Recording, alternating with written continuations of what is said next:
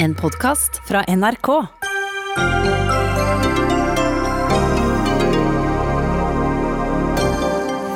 Hundretusener fortsatt ikke fått utbetalingene de skal fra Nav. Nå må folk få penga sine, krever Arbeiderpartiet, og møter arbeidsministeren til debatt.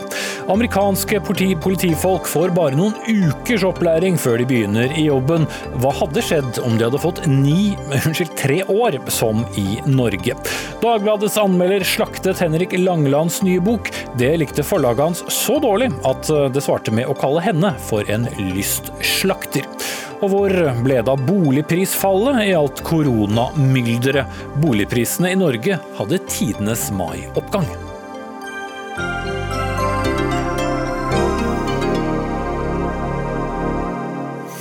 Da sier vi god kveld og velkommen til eh, Dagsnytt 18 denne torsdagen. Jeg heter eh, Espen Aas. For tolv uker siden så kunne vi fortelle i dette studio at nå stenger Norge ned. Og siden da har mange bedrifter fått kompensasjon for tapte inntekter pga. koronakrisen, men det er mange mange tusen som fortsatt venter på utbetalingene de trenger fra Nav etter å ha blitt permittert eller oppsagt. Fortvilte folk har fortalt til oss at de, noen må hente mat hos Frelsesarmeen fordi kontoen er tom. Og arbeids- og velferdsdirektør i Nav Sigrun Våge Vågeng. Da dere var med i Dagsnytt 18 i slutten av april, så sa kunnskapsdirektøren din at dere behandler flere søknader enn det som kommer inn. Det var fem uker siden. Det, da, da, var det mye på gang. Dere, hvor, hvor, langt har dere kommet? Ja, vi har kommet et godt stykke på vei, for veldig mange søknader har kommet inn etter det. Vi har jo stått opp i en situasjon nå at vi er tett oppunder 460 000 søknader om dagpenger. Det er veldig mange fortvilte mennesker rundt omkring som har fått hverdagen sin snudd opp ned. Det har vi veldig stor forståelse for. Det er derfor vi jobber dag og natt for å kunne levere de tjenestene som Stortinget har bedt om endringer på. Mm.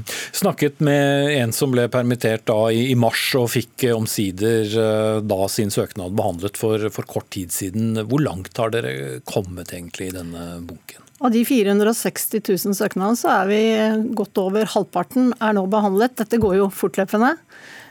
Vi har betalt ut 8,5 milliard kroner. 3,4 av de er gått til forskudd.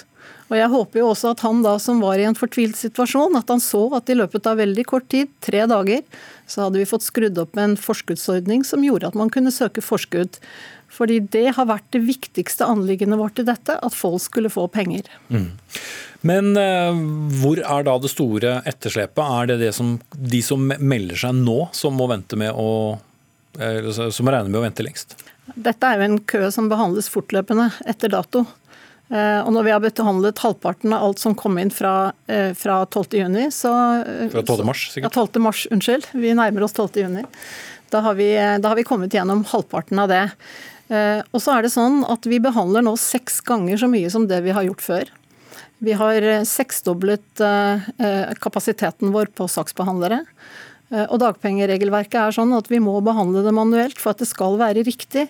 Det er viktig for oss i det vi holder på med, også i koronatider, at det skal være etterprøvbart og at det skal være til å stole på. Mm. Men det virker jo som skatteetaten f.eks., som har da behandlet søknader fra mange bedrifter, mm. har klart å gjøre det raskere? Kjempefint at Skatt har klart å få opp en kompensasjonsordning til bedriftene. Vi klarte i løpet av tre uker å få opp en ordning til selvstendige næringsdrivende. Vi klarte i løpet av tre dager å få ut forskuddsordningen. Så jeg tror nok det som er forskjellen her, hvis man absolutt vil sammenligne, det er mengden av det som har kommet inn. Altså, Stortinget ba om endringer på tolv forskjellige, forskjellige felt, og vi har levert på elleve. Det siste er rett rundt hjørnet. Innen midten av juni så regner vi med å være i havn også med den ordningen som nå blir diskutert, nemlig den lønnskompensasjonsordningen. Mm. Men du kan ikke si noe om når dere er i mål, for det spørs på hvor mange søknader som, som, ja, som kommer inn? Ja, men på dagpenger, hvis, sånn som vi ser det nå, så eh, håper vi at vi kan være i havn innen utgangen av juli, at vi skal være der om lag da på, på vanlig saksbehandlingstid. Det er prognosen vår på det. Mm. Det skal være etterprøvbart, som du sier. Mm. Det er rett og slett fordi noen dag skal kunne kreve mer enn det de Ja, men du kan si at når noen skal få et, et, vedtak om dagpenger, så skal det jo være et, et vedtak du har klageadgang på. Og som jeg sier, det skal være etterprøvbart. Og det gjelder når ledigheten er lav, og det gjelder når den er høy. Jeg tror vi må legge til grunn at nå var vi oppe i en situasjon. Vi, vi har den høyeste ledigheten vi har hatt etter andre verdenskrig. Vi, jeg tror ingen, og det er jeg egentlig veldig glad for, ingen har forventet at Nav skulle være rigget for å kunne ta inn denne mengden. Men kravet vårt til kvalitet og etterprøvbarhet, det gjelder jo allikevel. Mm. Og Det er derfor vi jobber så hardt for å finne løsninger. Hvorfor kan det ikke automatiseres? Fordi alle opplysningene om oss, hva vi har tjent og hva vi har betalt i, i, skatt og hvor mange barn vi har og jeg vet ikke hva. Alt finnes jo i, i offentlige registre. På veldig mange av de løsningene vi har utviklet, så automatiserer vi. På den løsningen for selvstendig næringsdrivende så gjør vi f.eks. det når vi har fått inn eh, opplysninger. Men det går ikke på dagpenger? Men på dagpenger, da må vi behandle manuelt. Eh, det tar veldig veldig lang tid å endre sånne type situasjoner. Så, så der, eh, der fant vi rett og slett ut at den beste måten å løse det på, det er behandling av dagpenger.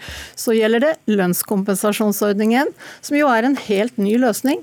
Og der vi startet opp i et spor og tenkte at dette er måten å gjøre det på. Og vi sa innen tre uker så har vi funnet en løsning. Så viser det seg at eh, vi klarte ikke å automatisere godt nok for at dette skulle være etterprøvbart og med høy nok kvalitet. Vi måtte skifte spor. Og det gjør at akkurat på den ordningen så må vi bruke åtte uker istedenfor tre uker. Men nå er også den løsningen rett rundt hjørnet. Mm. Hvis du skal si eh, noe beroligende som ikke du eh, må angre på? Til de som venter? Til de som venter så vil jeg si at vi forstår at de er i en vanskelig situasjon. Det er derfor vi i Nav jobber både dag og natt fra alle hjemmekontor for å løse eh, utfordringene. Og så vil jeg si til dem Ingen skal trenge å gå uten penger. Vi har en forskuddsordning. Og det er også gjort endringer når det gjelder sosialpenger som gjør at man kan få støtte, slik at man skal få den hjelpen man har krav på. Mm. Takk til deg, Sigrun Vågeng, arbeids- og velferdsdirektør, og så skal vi slippe inn politikerne. For uh, dette er ikke bare tema i Dagsnytt 18, det har også vært tema i Stortingets uh, spørretime. Og jeg vet ikke når du sa det første gang, men jeg har sett du si det mange ganger, Rigmor Aasrud, stortingsrepresentant for Arbeiderpartiet. Nå må folk få penga sine. Men uh, det høres ikke ut på Nav som det går an å gjøre noe særlig raskere nå, med mindre man kan magi? Nei, Nav har gjort veldig mye bra i denne perioden, her sånn, men det jeg mener er kritikkverdig, det er at regjeringa for snart tre måneder siden stengte ned Norge, la fram en ordning for Stortinget der arbeidsgivere fikk stort kutt i sin byrde. Man skulle bare betale to dager lønn istedenfor 15 dager lønn. Og så glemte man å kompensere arbeidstakere da. Da måtte jo Stortinget rette opp i det her, lage ordninger som ikke var utreda. Og Det har jo gjort at eh, folk nå på veldig kort tid måtte først gå ned på 40% av den lønna de hadde, gå ned 40% omtrent i lønn. Og så er det halv månedslønn som enda ikke er utbetalt. Det finnes ingen forskuddsordninger for det. Og når folk skal betale regningene sine, når du først har 40% omtrent mindre, da mange har, og så har du ikke fått ei halv månedslønn, så mener jeg det er ganske kritikkverdig. Jeg mener man skulle ha rydda opp i det, fått til en forskuddsordning også for den permitteringslønna, som ennå ikke har en løsning. Men hadde det egentlig løst problemet? For det er jo kapasiteten som først og fremst er flaskehalsen? Jo, når man ser den andre forskutteringsordningen som er på dagpenger, så går jo det raskt. Og hvorfor man ikke har tatt i bruk en tilsvarende ordning for den permitteringslønna, det skjønner jeg ikke. Og det er jo der folk mangler veldig mye kontanter nå. Når de skal betale barnehageplassen, maten i butikken, lånet sitt. Og det syns jeg er eh, kritikkverdig. Som sagt, når det har gått snart tre måneder siden regjeringa la fram den første saken for Stortinget. Tolv uker i dag, faktisk. Arbeids- og sosialminister Torbjørn Risaksen fra mm, Høyre. Må det ta så lang tid? Det er jo det folk spør oss, og sikkert dere, om igjen og om igjen. Jeg skjønner at folk spør. og Jeg må si at jeg syns folk har vært mer enn tålmodige og langt mer enn man kunne forvente. og Det tror jeg er fordi at alle har sett at det har vært en ekstrem krisesituasjon. Og så er Det sånn at NAV har, altså det er ingen tvil i mitt sinn om at Nav har jobba så eh, raskt og så hardt og så målretta som de kan. Men de, har nå, de fikk i oppdrag fra Stortinget, ganske detaljert oppdrag, å lage store endringer og helt nye systemer eh, på, på en rekke områder. Noe som forskutteringsordning f.eks. For, for dagpenger som folk kan søke på hvis de ikke har fått innvilga dagpenger. Kom på plass i løpet av få uker. Eh, ordninga for selvstendig næringsdrivende og frilansere, som var helt ny, kom på plass i begynnelsen av mai. Men så har denne ene blitt forsinka. Mm. Normalt så ville et sånt utviklingsarbeid ha tatt seks måneder, et år. Nå, nå, nå gjør Nav det på, på, uker og få måneder. Mm. Du garanterte jo på debatten her i NRK at alle skulle få pengene sine i begynnelsen av juni, som er nå slutten av juli, sier Nav-direktøren? Nei, det er to forskjellige ting. Eh, altså For det første så er jeg garantert at alle skal få pengene sine. Pengene kommer, det skal folk være helt sikre på. Så de pengene du har rett på, de vil komme. En gang. Og så, eh, ja, altså, men så har jeg sagt helt fra midten av mars har jeg sagt at vi må regne med forsinkelser. Og det er rett og slett noe med at Nav har fått inn flere søknader om dagpenger enn, enn noen gang i historien. Altså, det er ingen parallell i fredstid på dette. Og så er det sånn at For de som har søkt om dagpenger, der er det en forskutteringsordning. Der sier Nav at der er det ikke a jour før i slutten av juli. Og så er det denne ordningen som Rigmor Aasrud snakker om, om lønnskompensasjon. Altså, det er da Den nye ordningen? Ja, det er helt, helt ny ordning med full lønn da de første eh, 20 dagene. Eh, den kommer på plass etter planen da i første halvdel av juni. Mm som er snart. Men, men, det Røe Isaksen bør svare på, det var hvorfor han ikke tenkte på at det ble en helt skeiv byrdefordeling mellom arbeidstaker og arbeidsgiver i det første forslaget som ble lagt fram for Stortinget. For da var det altså sånn at arbeidsgivere i utgangspunktet skulle betale lønn i 15 dager. Det kutter regjeringa til to dager. Og så glemte man de som da ikke fikk de penga. Så hadde man allerede da tenkt på at man måtte finne en bedre balanse mellom den lettelsen arbeidsgivere fikk, og det tapet arbeidstakerne fikk, så hadde vi kanskje vært annerledes ute nå. Og Det mener jeg er en av de største feilene som ble gjort i denne saken, her, er at man ikke hadde tenkt gjennom det før man gikk til Stortinget. Så tok Stortinget å rette opp dette her, og Stortinget har lagt eh, mye gode ordninger til grunn uh, gjennom det arbeidet som er gjort, men det er ikke mange av dem som har kommet fra regjeringa, og det syns jeg Røe Isaksen trenger å svare på. Men, men, jeg kan godt si litt om det. for Da vi så at dette kom til å bli Først så, så vi at det kom til å bli en alvorlig krise krise, så så vi jo etter hvert i løpet av den veldig dramatiske og hektiske uka, som endte med at Norge ble stengt ned torsdag 12.3, at dette kom sannsynligvis til å bli en krise i et omfang med flere, så mange på dagpenger og i permisjon som vi ikke noen gang tidligere hadde sett maken til. Det som var viktig for oss, det var hele tida hvordan kan vi få ordninger som raskest mulig får penger ut. Og Det enkleste da, det var å basere seg på de ordningene vi hadde fra før. Eh, dagpenger på vanlig måte, permitteringsregelverket på vanlig måte. Og så var jo også regjeringspartiene med på det forliket i Stortinget, så, så vi må ta ansvar for, for, det fra regjeringspartienes side. Men det er også sånn at når vi ser i ettertid, eh, så visste Stortinget også da, fikk klar beskjed fra oss om at når Stortinget laga veldig detaljerte bestillinger til Nav, et Nav som hadde en kapasitet som allerede da vi så var i ferd med å sprenges Så du mener så Stortinget det... var med på å forsinke det? Nei, jeg mener at Stortinget, nei, altså det er mitt ansvar som statsråd eh, og regjeringas ansvar å håndtere denne krisa men Stortinget visste og hadde fått klar beskjed om fra oss om at det ville være veldig komplisert og vanskelig for Nav å gjennomføre så store endringer på så kort tid, og det hasta. Hver eneste uke telte. Mm, Han kan gjerne si mye om eh, det Stortinget gjorde da, og det var klart at det ville være krevende for Nav. De sto i en situasjon som var helt ekstrem. De kom fra en situasjon som hadde vært ekstrem, og de kom fra en periode der de hadde fått kutte 400 millioner i driftsbevilgninga sine gjennom det såkalte ABE-kuttet. Så det er klart det var en organisasjon som hadde store utfordringer. De har gjort så godt de kan. Men jeg mener statsråden svarer ikke på det som er det grunnleggende her. Hvorfor lot man en så skeiv ordning bli presentert, der arbeidsgivere slapp unna kostnaden? Man så ikke at det ville være ganske dramatisk for folk å få så store kutt over natta. For, da, for det var to dager. På to altså, dager skulle man altså gjøre dette kuttet. Vi, vi, vi, så jo på da, hva har vært gjort tidligere i krisetider. F.eks. under den rød-grønne regjeringa under finanskrisen så reduserte man også antall arbeidsgiverdager i permitteringsordninga kraftig. Da hadde man i tillegg tre dager uten lønn før man fikk dagpenger. Vi laga en ordning hvor vi kutta denne ventetida, så man fikk lønn eh, altså rett over på dagpenger etter arbeidsgiverperioden. Men det vi visste, og som vi kommuniserte veldig klart allerede den fredagen da vi skulle til Stortinget, det var at bare i løpet av den uka så hadde omfanget av denne krisen økt. Og Derfor var også regjeringspartiene på Stortinget helt klare for å inngå det som var et viktig, eh, enstemmig forlik hvor alle stortingspartiene var bak.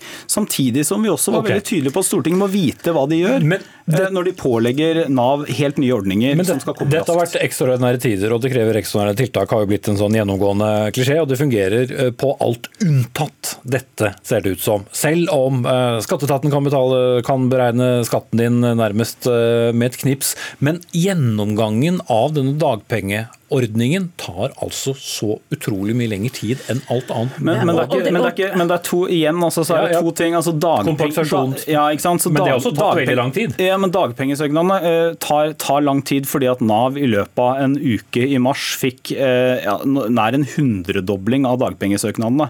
17. mars kom det inn 63 000 søknader om dagpenger. De har nå behandlet flere dagpengesøknader i løpet av et par måneder enn de gjorde Jo da, i hele fjor. vi vi klarer jo det, men hvorfor må det skje på Nei, akkurat altså, samme helt, he, he, helt konkret, for jeg skjønner mange stiller det spørsmålet. Ikke sant? Hvorfor tok det så kort tid for bedriftene? Hvorfor tar det lengre tid med denne ene ordningen i Nav? Forskutteringsordninga kom som sagt på plass tidlig. Og det er nok to, to eller tre grunner til det hovedsakelig. Det ene er at skatteetaten hadde ikke sånn som Nav eh, hadde. Eh, enormt mye ekstra pågang og veldig mange nye tilfeller om nye oppgaver som skulle løses. Det er det ene. Det andre det er at den ordningen får nå kritikk for å være for upresis. altså Den er veldig sjablongmessig, som man sier. Det var nødvendig, og det var også Stortinget med på. Mens på Nav-siden så hadde Stortinget ganske detaljerte føringer. Og Det andre er selvfølgelig at Nav har 450 000 ledige permitterte, i tillegg eh, dagpengemottakere. I tillegg er det studenter, det er selvstendig næringsdrivende og frilansere. Det er lærlinger som har fått en helt egen ny ordning. Poenget mitt er bare at vi har jo alle opplysningene om alle. Vi, øh, alle norske bedrifter rapporterer minst én gang i måneden den lønna alle vi har. Det ligger i den såkalte A-ordningen. Der ligger opplysningene. Og det var jo den man tenkte man skulle bruke. Så går det altså to og en halv måned før man finner ut at det her ikke går. Og når man først da, etter øh, så lang tid, finner ut at det ikke går, så burde man jo hatt på plass en forskutteringsordning også for den lønnskompensasjonen. Det mener jeg hadde vært fullt mulig når man klarte å få på plass det for dagpengeordningen. Og det hadde gjort at flere folk hadde hatt en mindre problematisk hverdag, for de hadde hatt mer penger å rutte med. Eh, Det er tross alt ganske tøft for folk å gå ned så mye lønn som det man gjorde på så kort tid, og du får nesten en halv måned som du ikke får penger Men, men dette, dette er kjempetøft for veldig mange. Og det, er, og det er ekstremt tøft, og det er en ekstrem situasjon for veldig mange, som da både venter på en utbetaling for, den, for, for de første 20 dagene, men også kanskje på dagpengesøknaden.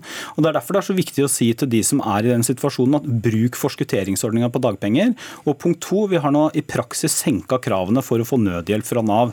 Men, men helt konkret til det Aasrud sier, så, jeg, så, så, er det, så er jeg helt enig i at hvis vi hadde visst at denne lønnskompensasjonen altså Vi måtte jo legge bort den modellen vi jobba med, Sigrid Vågeng sa litt om det. Hvis vi hadde visst at den ikke ville komme før i midten av juni, så burde vi laget en forskutteringsordning. Men da vi satt der, så så det ut som om dette ville gå så radig at det var viktigere å bruke alle kreftene Eller radig er kanskje en overdrivelse, men det ville i hvert fall gå. Sånn at vi måtte bruke alle kreftene på å få ordninga på plass. Dagpenger f.eks., hvor vi tidlig visste at her ville det gå ut i juni-juli før folk fikk penger, var det helt nødvendig med en forskuttering. Men, men da kunne man jo f.eks. ha sagt at OK, vi får ikke på plass den lønnskompensasjonsordningen. Da betaler vi jo et dobbelt forskudd på dagpenger på én termin. Så hadde folk iallfall fått noe mer penger i lommeboka. Og det er jo det folk lever av. Om det er lønnskompensasjon eller dagpenger, tror jeg ikke folk er veldig opptatt av. De er opptatt av det de får i lommeboka. Og der kunne man ha gjort noen grep, sånn at man hadde fått opp Ok, en da har vi jeg må, en- en må runde slutt, unna så der. Vi det er kommer til å være masse vi kan lære av dette her, alle sammen. Og det er helt sikkert ting som har blitt gjort som eh, kunne blitt gjort annerledes også. Men at vi har gjort det vi kan for at pengene skal komme ut til flest mulig raskest mulig, det vil jeg stå på. Ok, da noterer vi oss det. Gjort det dere kan. Torbjørn Røe Isaksen, arbeids- og sosialminister fra Høyre. Rigmor Aasrød, stortingsrepresentant fra Arbeiderpartiet. Dagsnytt 18 alle hverdager kl 18.00 på NRK P2 og NRK2.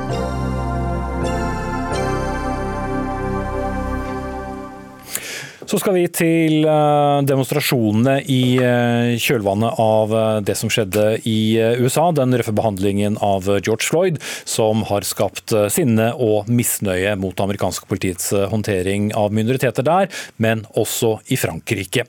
I flere franske byer har det vært demonstrasjoner til støtte for den amerikanske bevegelsen Black Lives Matter, men samtidig også protester mot rasisme i fransk politi. Vi skal tilbake til det, men først til USA. Tove Bjørgaas eh, med oss fra Washington. Det er altså ni urolige døgn nå etter at George Floyd døde etter røff behandling fra politiet. Er det noe som nå tyder på at uh, gemyttene roer seg? Ja, nå har jeg akkurat kommet ned til Det hvite huset og står og ser på uh, 30 soldater som går nedover veien med store skjold og skjerm, uh, tungt eh, beskyttet. Eh, men de jeg snakker med her i dag, sier at i hvert fall så langt i dag har vært roligere her. Men det var masse folk samla her i går eh, kveld også, men da forløp det fredeligere enn det har gjort de siste døgnene. Det samme meldes fra f.eks. Los Angeles og New York, hvor det også har vært eh, store demonstrasjoner i mange dager nå. Men uroen sprer seg stadig, og i de siste par dagene så har det vært urolig f.eks. i Portland, Oregon, i Seattle. Eh, politifolk ble skutt i Brooklyn i går, en ble knivstukket. Eh, så, så det, det, det, tar ikke slutt. Det bølger liksom eh, litt rundt i, i landet. Mm. Og så er det i dag blitt kjent Tove Bjørgaas, en obduksjonsrapport som konkluderte med at afrikansk-amerikanske Manuel Ellis på 33 ble drept i forbindelse med en pågripelse i Tacoma i delstaten Washington da, i, i mars. Hva slags likheter er det der med, med Floyd-saken? Det ligner ganske mye. Vi har ikke alle detaljene rundt det ennå, men, men, det er jo slik også at uh, Det som var spesielt med Floyd-saken, er at man hadde denne videoen som var så veldig tydelig, og som har gitt alle mulighet til å se hvordan dette foregikk. Uh, og nå dukker det opp flere slike andre historier som, som kanskje de som var involvert, ikke har klart å få helt opp i oppmerksomhet rundt. Og det er veldig stor oppmerksomhet nå rundt, rundt dette. I dag skal også de to, eller tre er vel mennene som var involvert av joggeren Ahmed Arbery ble drept i Georgia for noen uker siden. og Da var det også noen naboer som, eh, som, som, som løp etter ham og skjøt ham fordi de mente han var mistenkelig. De skal også eh, i en rettsføring eh, i dag. Så, så det er veldig stor oppmerksomhet nå rundt både politivold og, og annen vold mot afroamerikanere. Takk skal du ha, Tove Bjørgaas. Eh, midt i trafikken der, hørte vi. Eh, her i studio har vi deg, Filip eh, Tollerchok. Du er studieleder for bachelorutdanning ved Politihøgskolen og har bodd 18 måneder i, i California. Hvilken erfaring hadde du da med amerikansk politi? Jo, jeg ble stoppet og kontrollert et par ganger. Og den ene gangen foretok jeg en ulovlig U-sving. Men det som slo meg når jeg ble stoppet og kontrollert, var jo en meget høflig og øh, veltalende, og ble behandlet meget godt. Øh, men øh, ja, jeg tror, det, jeg tror, ikke vi skal bruke det som noe representative Grunnen til at du er invitert hit er jo nettopp fordi du er studieleder for bachelorutdanning. Og bachelor det er ikke noe som er unnagjort på noen uker, det er noe vi bruker tre år på her i Norge. Men forskjellene mellom amerikansk politiutdannelse og norsk er stor? Ja, den er stor. Eh, og vi har jo en eh, veldig god utdanning i Norge. Den er tre år. Um, og jeg tror vi kan se på forskjellene på tre områder. Det ene er seleksjonen inn til utdanningen. Det andre er... Så hvem som får komme inn og, studere, rett og slett? Ja, og hvem som søker. Eh, og så har du innholdet i utdanningen, som både er lengde og kvalitet. Og så har du det som skjer i utdanningen rundt sosialisering. og Alt det, de tre hovedpunktene der er med på å bidra til å forme en, en, eh, en politistudent. Mm. Eh, et tankeeksperiment. da, altså Hvis man hadde økt eh, politiutdannelsen i, USA, det er forskjellig fra stat til stat, vi får understreke det i lengden, men ingen er vel så lang som det norske på langt nær. Hva kunne da vært annerledes? Bortsett fra veldig mye, selvfølgelig. Nei, eh, det, man, man, kunne jo på en måte lekt med tanken hva om USA hadde gjort som Norge. Eh, vi vet jo at forskere der borte har jo foreslått og, og, og sett hen til f.eks. den modellen som er i Norge, med en høyskole, politi, egen politihøyskoleutdanning. Um, hva som skal gjøres der borte, er, er vanskelig. Men jeg, tror du må både jobbe med utdanningens lengde, utdanningens innhold, eh, seleksjonsprosessen. Og så i, i tillegg så ser vi jo at hvem som søker utdanningen er veldig avhengig av hvordan politi, politiet utøver yrket sitt. Sånn at jeg tror du må på en måte både ha reform på utdanning, men også på en, en politireform som, eh, på hvordan faktisk yrket utøves. Mm. Så er det store forskjeller selvfølgelig på demografi og, og befolkningssammensetningen i, i Norge og, og, i USA, men sikkert også paralleller. Altså et, et Oslo-politi eh, har jo et helt annet forhold til etniske minoriteter enn andre steder i Norge, og samme er det jo i, eh, i USA. Men hvor viktig er en slik bit? Det er viktig. Eh, vi ser jo at eh, eh, minoritetsbakgrunn har en betydning for utøvelsen av politiyrket. Kanskje, men kanskje en vel så viktig aspekt er også kjønn. Vi ser også 10 av, av ansatte i politiet i USA er kvinner, ja. og 90 er menn. Ja, og I Norge har vi jo en kjønnsbalanse. Altså Vi er omtrent 50-50 nå. Så vi må jobbe på alle dimensjoner, både med henblikk på minoriteter, men også på kjønn. Um, og Det gjør vi aktivt uh, i Norge, hvor vi også på, ved Politihøgskolen er aktivt ute for å rekruttere minoritetsungdom. Mm. Skal vi til eh, Frankrike, som jeg annonserte litt tidligere. Ingrid Bergo, du er uh, journalist i den engelskspråklige lokalavisen The Local i, i eh, Paris. Eh, og det har altså vært eh, store demonstrasjoner. Mange tusen har demonstrert over landet. Hva slags markeringer er det som foregår der? For det handler både litt om det vi ser i USA, men også innenrikspolitiske forhold. Ja, absolutt. Eh, vi så da store demonstrasjoner, som du sa, eh, på tirsdag. Eh, både i Paris og i andre byer. Det var store oppmøter, over 20 000 mennesker, i hvert fall ifølge, ifølge, myndighetene. Og det er jo rart å se nå når vi har vært i lockdown så lenge som det vi har vært. Det var for å støtte George Floyd, vise solidaritet med George Floyd. Det var mange demonstrasjoner som hadde med seg plakater som, hvor det sto 'I can't breathe' og 'Black Lives Matter'. Men det var også for å støtte det som da er Frankrikes George Floyd, kan man si. Eh, Adama Traore, som døde i 2016 eh, da han var i varetekt av politiet. Da var han 24 år gammel. Mm. Eh, hva slags utfordring er det med politivold i Frankrike? Ja, det, eh, det, er, det er, mange utfordringer. Eh, for å, for å, begynne der, da. Hvis vi skal snakke om rasisme. Um, det store spørsmålet som har blitt stilt nå i franske medier de siste dagene, som franskmenn har debattert, er er eh, Adama Traore og George Floyd egentlig eh, to sider av samme sak. Og så er det mange det, det, det, er, det, er, ting som taler for det. For det første så er det jo det at begge døde da i politivaretekt. Men så har du ikke dette her visuelle elementet med Adama Traore-saken i 2016 som det du hadde med George Floyd. George Floyd, Der er det en video som har gått viralt. ikke sant? Jeg kan se den, du kan se den, alle kan se den. Alle kan se hva som skjer med eh, politimannen som har kne på eh, halsen, og så kan man trekke en konklusjon på den selv. Adama Traore-saken hadde ikke dette visuelle elementet. Eh, så det er på en måte sak mot sak. Det er den grunnen til at denne saken så, har skapt så store bølger som varer nå fire år etterpå. Eh, for det, er ikke den, det, det, må også sies at det er ikke den eneste saken. Adama tror er langt fra den eneste svarte unggutten som har dødd i politivaretekt. Men grunnen til at denne saken har skapt så utrolig store bølger i det svarte samfunnet, er mest egentlig takket være søsteren hans, Assa Traore, som var på demonstrasjonen i går unnskyld, på tirsdag, og som holdt en veldig emosjonell tale, og som sa de siste ordene til broren min var uh, I can't breathe, uh, altså da på fransk uh, som han sa mens han lå da trykk, trykk, trykket under tre politimenn. Mm. Eh, men så er det da motstridende rapporter som politiet sier at han døde ikke av det, mens eh, den etterforskningen som familien har bestilt, sier at det var kvelning da som skjedde. Så det er på en måte eh, begge deler. Men når det kommer til rasisme i politiet ja, bare, ja, nei, Når det kommer til rasisme i politiet, så er jo det veldig interessante er jo det at Eh, det blir på en måte, Debatten stopper på en måte der. fordi man har ikke,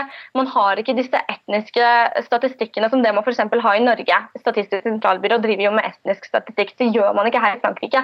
Så det blir veldig enkelt å si da at nei, det eksisterer ikke rasisme i politiet. Det er ikke systematisk rasisme i politiet. Men hvis du snakker med demonstrantene og hvis du snakker med vanlige minoritetsgrupper i Frankrike og folk som kommer med innvandrerbakgrunn, så sier alle det samme. Og de sier akkurat det samme som jeg har hørt fra når jeg hører på nyhetssendinger og sånt fra USA. Eh, de sier jeg som svart eller som eh, farget, har lært siden jeg var liten at jeg skal være redd for politiet. Jeg har lært å frykte politiet. Jeg har lært at jeg skal løpe den andre veien hvis politiet løper etter meg. Og Det var derfor Adama Traore løp i 2016, da han visste under den identitetskontrollen som han da skulle utsettes for av politiet, at han ikke hadde papirene sine på seg. Det var derfor han løp. Takk skal du ha for den rapporten, Ingrid Bergå, med oss fra Paris. Og uh, her i landet er det også mange som har ønsket å ta til gatene for å demonstrere i solidaritet med den avdøde George Floyd. Men både i Oslo, Bergen og Trondheim setter myndighetene foten ned for store demonstrasjoner. Ikke fordi de er imot demonstrasjoner, angivelig, men fordi det er hensyn til smittevern. Bare i Oslo hadde 15 000 personer eh, meldt på Facebook at de var interessert i å delta i en demonstrasjon i morgen foran den amerikanske ambassaden.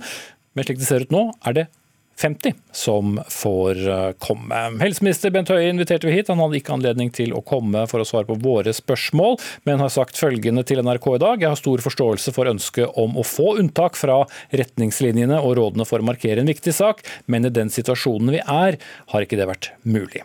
Men Anine Kierulf, spesialrådgiver ved Nasjonal institusjon for menneskerettigheter, kan du bistå litt med å forstå hva som i så fall er på spill her? Kan man gripe inn på den måten? Det som står på spill, er jo smittevern på den ene siden mot ytrings- og demonstrasjonsfrihet på den andre siden. Og Det er jo viktige hensyn begge to, men eh, den ene er grunnlovsfestet, og det er ytrings- og demonstrasjonsfriheten. Sånn at man kan ikke gripe inn i den ved hjelp av en forskrift eh, med hjemmel i smittevernloven, eh, sånn som man kanskje har gjort. Det er litt uklart hva den bestemmelsen som begrenser ansamlinger til 50 personer, egentlig gjelder. Om den gjelder demonstrasjoner, det har ikke departementet klargjort i forskriften, og de har heller ikke klargjort det i dag, så vidt meg bekjent, overfor politiet. Jeg er ikke kjent med at politiet har satt ned foten overfor demonstrantene. Eh, jeg tror de er svært klar over at eh, disse hjemlene er ganske tvilsomme for å begrense eh, demonstrasjonsfriheten. Og jeg tror kloke krefter der, i samarbeid med forhåpentligvis ganske kloke krefter blant arrangørene av disse demonstrasjonene også, prøver å organisere dette på måter som i best mulig grad ivaretar smittevernhensynene, selv om det skulle bli mer enn 50 mennesker, for det tror jeg det vil bli.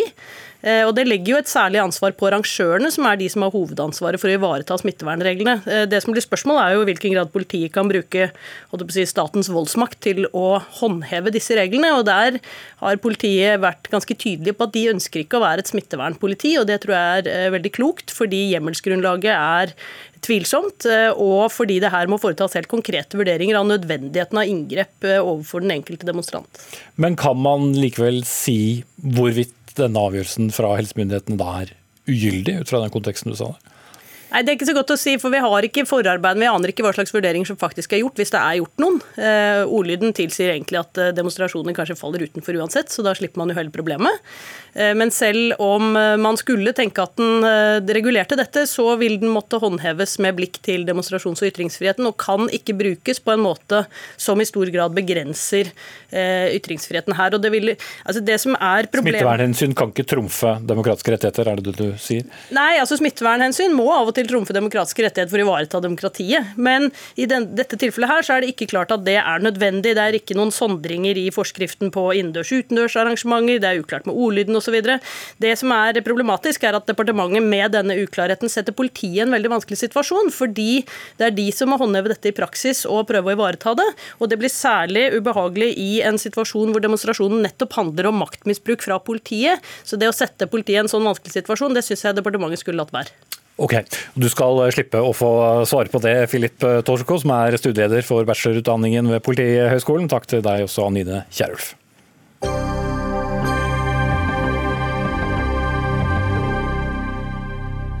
På slutten av sendingen kommer eh, det studenter hit som er fortsatt oppgitt over det de mangler, er, mener er manglende hjelp fra regjeringen. Men nå skal vi inn i eh, litteraturen. Henrik Langelands siste bok 'Showtime', oppfølgeren til bøkene 'Wonderboy' og 'Fyrsten' om Christian von der Hall, har fått eh, både oppmerksomhet og god kritikk, i hvert fall noen steder, men ikke overalt. Blant annet fikk den eh, skal vi si, nådeløs omtale av Dagbladets eh, Katrine Krøger.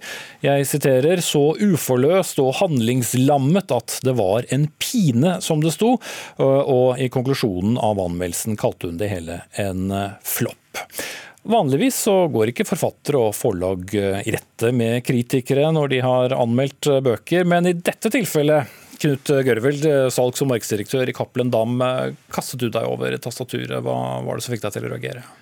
Du, Det var først og fremst da Katrine Krøger la ut denne slakten på sin egen Facebook-side, hvor hun da skrev at hun kanskje eller muligens burde hentet fram sin varsomme og velvillige sykepleierrøst, men dette er blodig anmelderi. Og Da tenkte jeg på den fryden som det virker som hun har over å komme med en slakt. Og hun sa jo i fjor i Dag og Tid at det er lettest og morsomst å skrive en real slakt. Og Det vil jeg gjerne problematisere litt. Hvorfor skal det være en fryd å slakte en bok? Mm. Ja, eh, Var det godt, eh, Katrine Krøger, litteraturanmelder i Dagbladet, å kunne hente frem eh, slakteren i ditt indre? Nei. Nei, altså det er jo Det sier seg selv at det er mye lettere å, å, skrive, å skrive, en slakt og morsommere. fordi når man er panegyrisk, så, så blir det jo floskler. ikke sant, Strålende ja. Så det, det er jo bare det, det, vet jo alle. Jeg, bare, jeg må bare si at Gørvild har jo sagt fryktelig mye i en masse innlegg, eh, men han har jo også påstått at eh, jeg liker å slakte for å få klikk, og at jeg ikke burde anmeldt Langland fordi jeg egentlig ikke liker Langland. Han har kommet med veldig mange påstander. Bare sånn rent fakta så sjekket jeg fra 1.1 på disse såkalte ternekastene mine.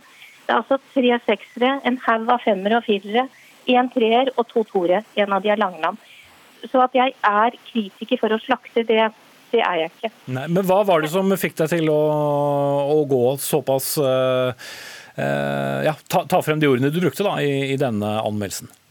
Det er fordi boka er dårlig. Altså, hvis en bok er god, så tar man frem ordene. Og hvis en bok er dårlig, så tar man frem de ordene. Altså, det, jo, det ligger jo i, i anmelderiets natur. At uh, jeg, jeg, jeg, jeg, syns boka var så dårlig. altså alt, alt dette Gørvel av meg, har jo ikke noe med bokas innhold å gjøre. Jeg må jo bare si at det er jo majoriteten av anmeldere eh, er jo for så vidt ganske negative til boka.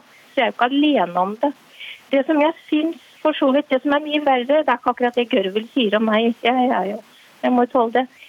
Det er at Gørvel Det han sier, er at eh, kritikere egentlig Kritikken skal ikke være kritisk, for da mister leserne leselysten. Det sier han.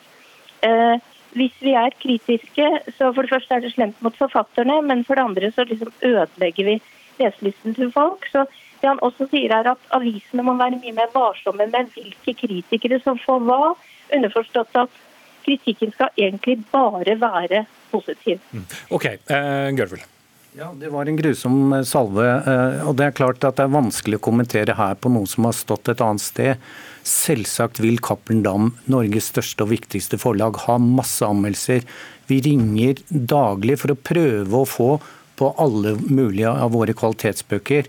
Og så er det sånne eh, organer som Dagbladet som dessverre nå ikke har noe særlig plass til det. Likevel så er det da sånn at ja, Katrine Krøger kommer med masse fine anmeldelser, sikkert også på noen av de som er dårlige. Det er bare at det jeg tenkte det er en form for anstendighet vi ber om når man kommer med en slakt. Jeg er kjempebegeistret selvsagt for de gode anmeldelsene, for det er bra for oss. Men hun må også tenke litt over når hun nå sier at Showtime har fått dårlige anmeldelser. Stort sett så er det helt feil. Dagsavisen, den har fått det også? Den har fått det av henne. og sånn lunken i VG, men så har den fått kjempebegeistret i NRK, i Dagsavisen, Dagens Næringsliv. Så anmeldelser er selvsagt subjektivt, og Katrine Krøger må gjerne få lov til å slakte. Det er bare den fryden over det som jeg syns er underlig, og at hun ikke av og til har en viss sånn ydmykhet. Hvorfor mener de andre noe helt annet? Og ja, jeg er også helt enig at det går an for et, en avis å tenke på hvis Katrine Krøger har fått lov til, ikke med Langeland, der tok jeg feil, det er jeg helt enig i. Men med andre forfatterskap, hvis jeg har slaktet det litt sånn årlig rituelt, og så får jeg den enda en gang. Det syns jeg er rimelig håpløst. Men, men hvis Katrine Krøger som en erfaren litteraturanmelder mener at Showtime er en dårlig bok, så må hun jo skrive det? Da må hun absolutt skrive det, det er ingen tvil om. Og Jeg kan da likevel mene at hun tar feil. og På da lenken hennes i Facebook så skriver han forlaget må også vite at dette var dårlig, for de har gode redaktører. Nei, vi vet ikke at dette var dårlig, for vi mener det samme som Dagsavisen, NRK osv. Men for, meningene er selvsagt delte. Krøger. Unnskyld. unnskyld. Eh, vet du hva? Det er for så vidt ikke akkurat Langeland som er det veldig problematiske med det du bedriver. Du jobber altså i et forlag. Eh, du rykker ut mot én negativ anmeldelse. Altså du har du driver, Det er akkurat som du ikke skjønner at vi kritikere, for det sier du, at det er så dumt at kritikere er kritiske, for vi skal skape entusiasme. Jeg tror du gjør noe fryktelig dumt. Fordi den, du, du, du, du, sier jo at uh, han har fått strålende kritikk, bl.a. Langeland. Du lurer leserne. Altså, Vår oppgave som kritikere er ikke å være snill mot forfattere eller forlag. Vi skal passe på leserne. Og det vi må gjøre nå, fordi forlagene har blitt så den der markedsføringen bl.a. du er en av de største eksponentene for, det, må jo, det vet jo alle som jobber i forlagsbransjen. Vi må stoppe altså Vi må liksom strø sammen maskineriet, fordi du buldrer over med panegyrikk, strålende lanseringsfester. Og du, og, og, og du Men jobben hans er vel å selge bøker? Ja, og der må jeg få lov til å si, Katrine, at det som er tragisk, er at avisene nå ikke gir plass til bøker. De anmelder for lite. Og det er helt riktig at vi da som et forlag tar ansvar for å prøve å komme til leserne. Men vi drømmer om at du skal anmelde mer, at uh, avisene anmelder mer, og gjerne er kritiske. Og så går det an å tenke på når jeg er kritisk. Det skal du få lov til å være. Men det høres ikke sånn ut. jo, men det er noe med eh, formen på det. ikke sant? Hvordan man fryder seg. Nå skal jeg få tatt Nei, nei, Langeland, med store, stort bilde av det hun omtaler som Han er nok en skjør forfatter, men jeg må liksom være ærlig. Og den, Det syns jeg altså er litt skinnhellig, men jeg elsker at du prøver å få ut litteraturen. Det gjør vi òg. Når Dagbladet ikke gjør jobben, så må vi gjøre det enda litt mer. Mm. Men dere har vel litt forskjellige oppfatninger? Du får uh, tre sekunder til slutt, Krøger. Eh, tre sekunder. Ja, jeg 30. Det mye rart her. Eh, men, eh, men eh, du, du, du, sier, du, påstår at kritikken ikke skal være kritisk, kort og godt, og det gjør du i mange innlegg. Så ikke lat som du er glad i god kritikk. Du tenker at vi skal være selgere sånn som deg, og det kan vi ikke være. Det er ikke vår oppgave. Det vet jeg du har lyst til å svare på, Grøvel, men jeg må sette strek der. Du er salgs- og markedsdirektør i Cappelen Dam, og Katrine Krøger med oss på en litt uh, sprakte linje på telefon, litteraturanmelder i Dagbladet.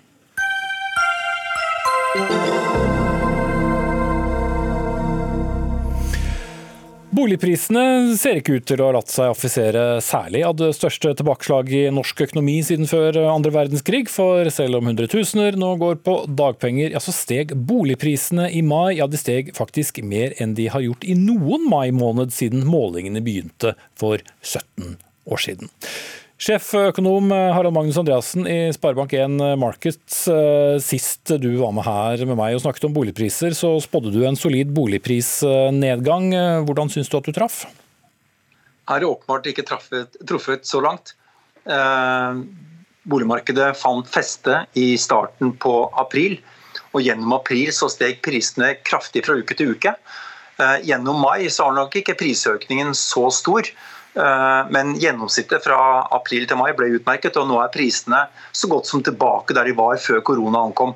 Og når jeg sto midt oppe det, eh, når koronakrisen var på det verste, så hadde jeg ikke trodd at boligprisene i mai skulle være det samme som i februar. Mm. Så det kommer ikke noen, eh, noe krakk eller noen stor korrigering? Sa jeg det?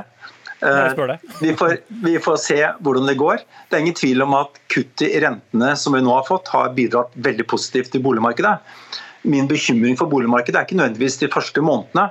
Eh, det er at vi har at boligprisene har steget veldig mye i mange år, at gjeldsnivået har steget mye, og at korona kan utløse nedgang i ulike deler av økonomien, og det ser vi en god tegn på allerede. Og Greit nok at folk kan være positive og ta rentekuttet inn over seg og tror at de beholder jobb og alt går bra. Men hvis norsk økonomi svekkes på en del områder, så er det på ingen måte umulig at det som har skjedd i så å si alle rand rundt oss, etter at boligpriser og gjeld har steget mye, kan komme til å skje i Norge en gang til. Det har skjedd før også. Mm. Kari Du Andresen, du er eh, sjeføkonom i Handelsbanken. Du var mindre pessimistisk enn det Andreassen var, men også de fleste økonomer har jo snakket om nå vil det eh, bli en, en nedgang i, boligprisene. Men de tallene vi ser i mai, hva forteller de egentlig? De forteller at vi antagelig er eh, at bunnen er bak oss i boligmarkedet. Det ser sånn ut. Vi også trodde tidligere i dette løpet at boligprisene skulle ned i år. Eh, så falt de i mars, men overraskende lite, syns vi, i forhold til hvor mye arbeidsledigheten var i ferd med å ta seg opp, f.eks. Er du overrasket over at ikke det slo mer ut, altså med over 400 000 i, i dagpengekø? All, all historikk skulle jo tilsi noe annet? Ja, Da vi kikket på tallene i mars, så så vi jo at Vi ble overrasket over at det falt så lite da. Men det vi så i tallene, var jo at eh, det var ikke bare etterspørselen som hadde gått ned, det var også tilbudet av boliger som hadde gått ned. Og når begge to korrigerer ned, så får du ikke det store eh, lageret av usolgte boliger. Når de to går mer i takt, så, da, så, så får du ikke det store lageret, og da trenger du heller ikke en like stor priskorreksjon for å, for å klarere de, det markedet, for å få solgt de boligene som ikke er solgt, for å si det sånn. Og eh, så har vi også fått en del eh, rentekutt som virker på dette markedet. Og Da vi så den tendensen i mars, så, så sa vi at her ligger det kanskje an til et eh, mye mindre boligprisfall enn det enkelte har vært ute og spådd. Ja, enkelte. Eh, Harald Magnus eh, Andreassen, mange har jo også sittet eh, litt på gjerdet. Man har vilt selge før man skal kjøpe osv., eller bare latt være. Men skal du forsøke deg på et, et godt råd til de som vurderer enten å kjøpe seg inn på markedet eller skifte bolig akkurat nå? Jeg, alle fall For noen uker siden så har jeg sagt at jeg ville ha solgt min nåværende bolig før jeg kjøpte ny hvis markedet var i ubalanse, så kunne det hende at du eh, ikke fikk solgt din nåværende bolig etter å ha kjøpt en ny, og da sitter du med to boliger, og markedet faller, så det har vært ubehagelig. Og slik markedet var gjennom mars måned. Det er riktig at det var ikke så veldig stort prisfall fra februar til mars, men gjennom mars måned, fra midten og ut måneden, så var det et veldig kraftig nedgang i boligprisene. Eh, som da ble reversert i april. Nå ser vi at markedet fungerer bedre, og da er det, det er veldig bra, for det gjør det mye enklere for folk å kjøpe og selge. Eh, det ser ut til at omsetningen går bra. Eh, og prisene er blitt stabilisert, og da kan man jo kjøpe en bolig man har bruk for. Og det er ikke så kritisk å få solgt en nåværende bolig før man kjøper ny. Så dette er jo sånn sett en bra situasjon. Det betyr ikke at jeg tror at det er risikofritt på norske boligmarkedet. Basert på all erfaring vi har fra svært mange land og vårt eget, så vet vi at ja, lave renter eh, er, det virker veldig kraftig i boligmarkedet dersom økonomien er i god stand. Men overalt ellers, også vårt eget land, hvor økonomien er svak, og det er grunnen til at rentene ble satt ned, ja da vinner som regel økonomien, og ikke boligmarkedet. Alle land som har hatt stort prisfall de siste ti årene, har hatt rekordlav rente, og det har ikke vært nok til å hindre folk å ønske å nedbetale gjeld. Og En dag kan det skje, at vi får den samme holdningsendring i Norge. Og jeg tenkte at koronakrisen og den veldig kraftige økende ledigheten kunne være en slik eh, endring som utløste en, en, en, revurdering av hva som er rett og galt på boligmarkedet. Fordi det altså har skjedd i så mange andre steder. Og det kan utmerket vel komme til å skje hos oss, selv om det ikke har skjedd de to-tre første månedene etter korona. Mm. Men Det tror ikke du, du Andresen? Jeg tror at eh, vi kommer til å få en eh, svakere boligprisutvikling framover enn det vi ellers ville hatt. Fordi eh, norske husholdninger er satt tilbake av denne krisa. Jeg tror ledigheten kommer til å stabilisere seg på et høyere nivå enn den var. Og jeg tror også vi kommer til å få lavere lønnsvekst de nærmeste årene. Sånn at husholdningene står nok foran lavere inntektsvekst også når vi korrigerer for renter de neste årene enn det de ville gjort uten denne krisa. Og dermed så er det antagelig mindre rom for husholdningene til å by opp boligprisene de nærmeste årene.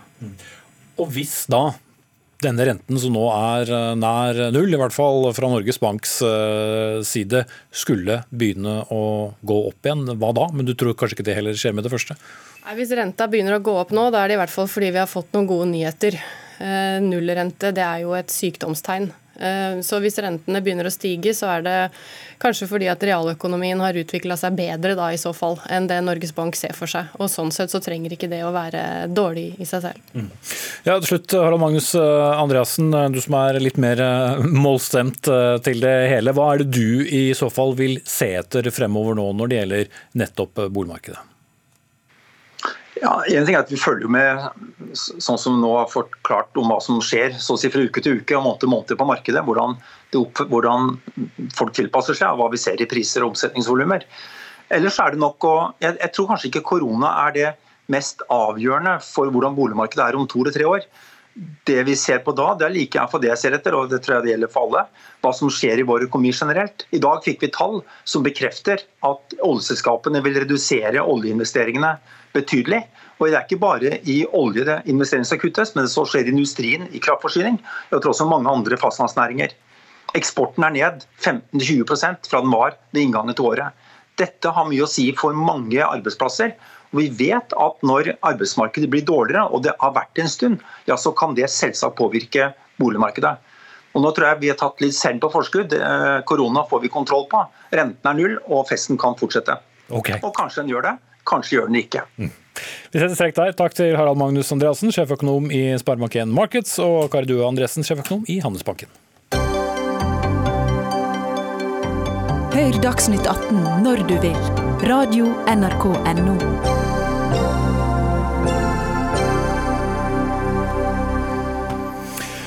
Studentene her i landet gir fortsatt eh, bunnkarakter til eh, regjeringen når det gjelder hjelpen de ønsket seg som følge av koronakrisen. Regjeringens eh, tilbud var som vi vet mer studielån.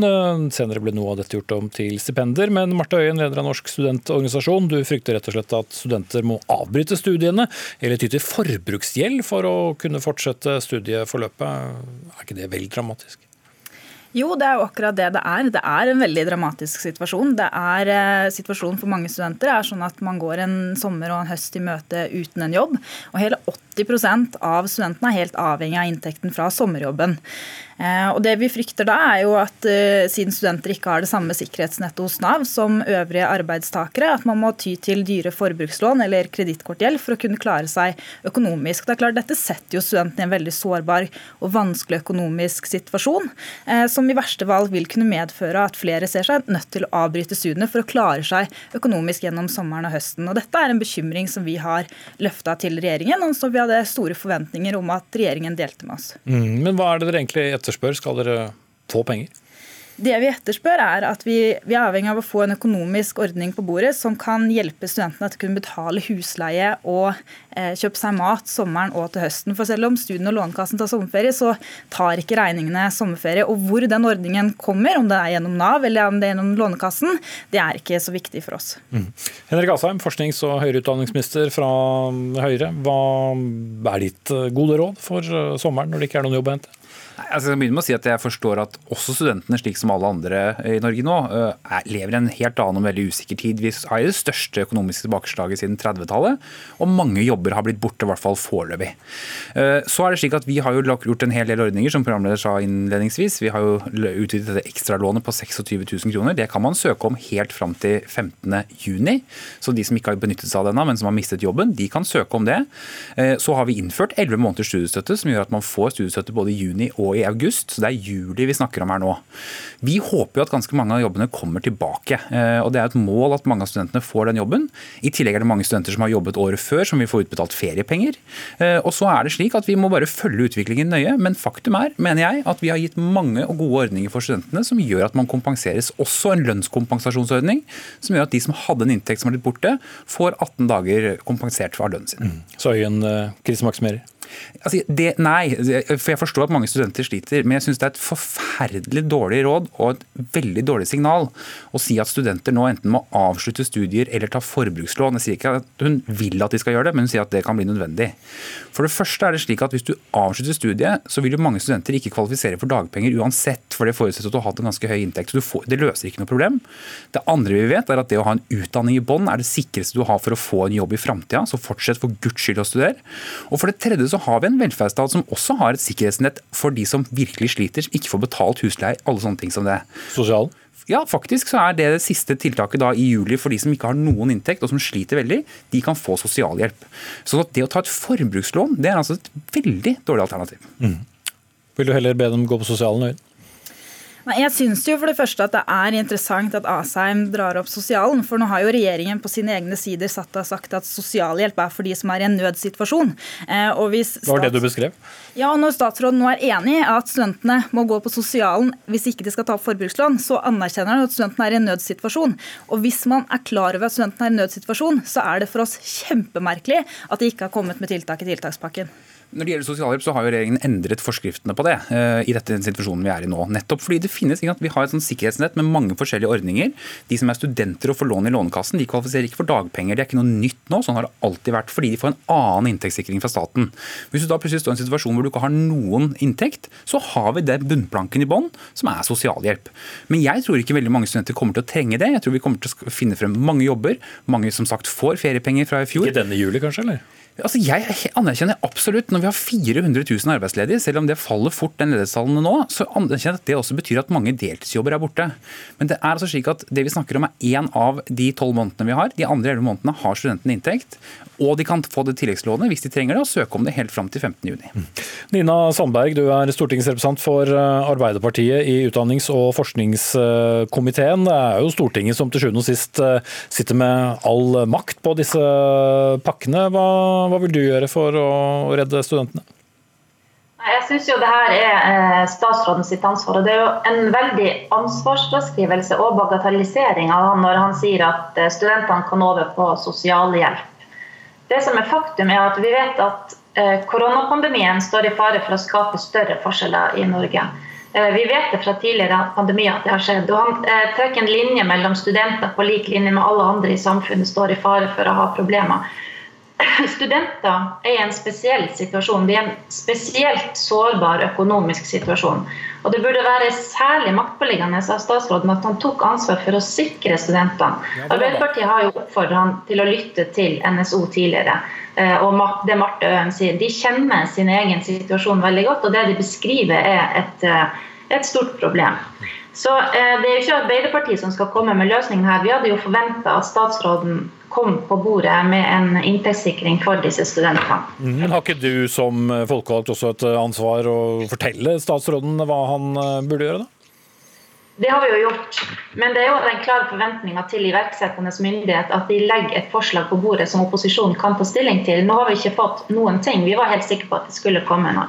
Eh, vi har hele veien vært opptatt av studentene. Det var vi som var med å sikre at de fikk den ekstra milliarden. Regjeringa ville jo gi dem lån hovedsakelig eh, i utgangspunktet. Så vi, vi, kan gjerne bytte rolle. Jeg kan ta over Asheim sin, sin statsrådsposisjon. Eh, hvis han gjerne vil spille seg selv utover sidelinja. Men det er jo nesten umulig for et parti på Stortinget å bare sånn magisk lage en ordning. Dette er regjeringa sitt ansvar. Det er de som burde ha tatt eh, og sjekka med sitt eget embetsverk.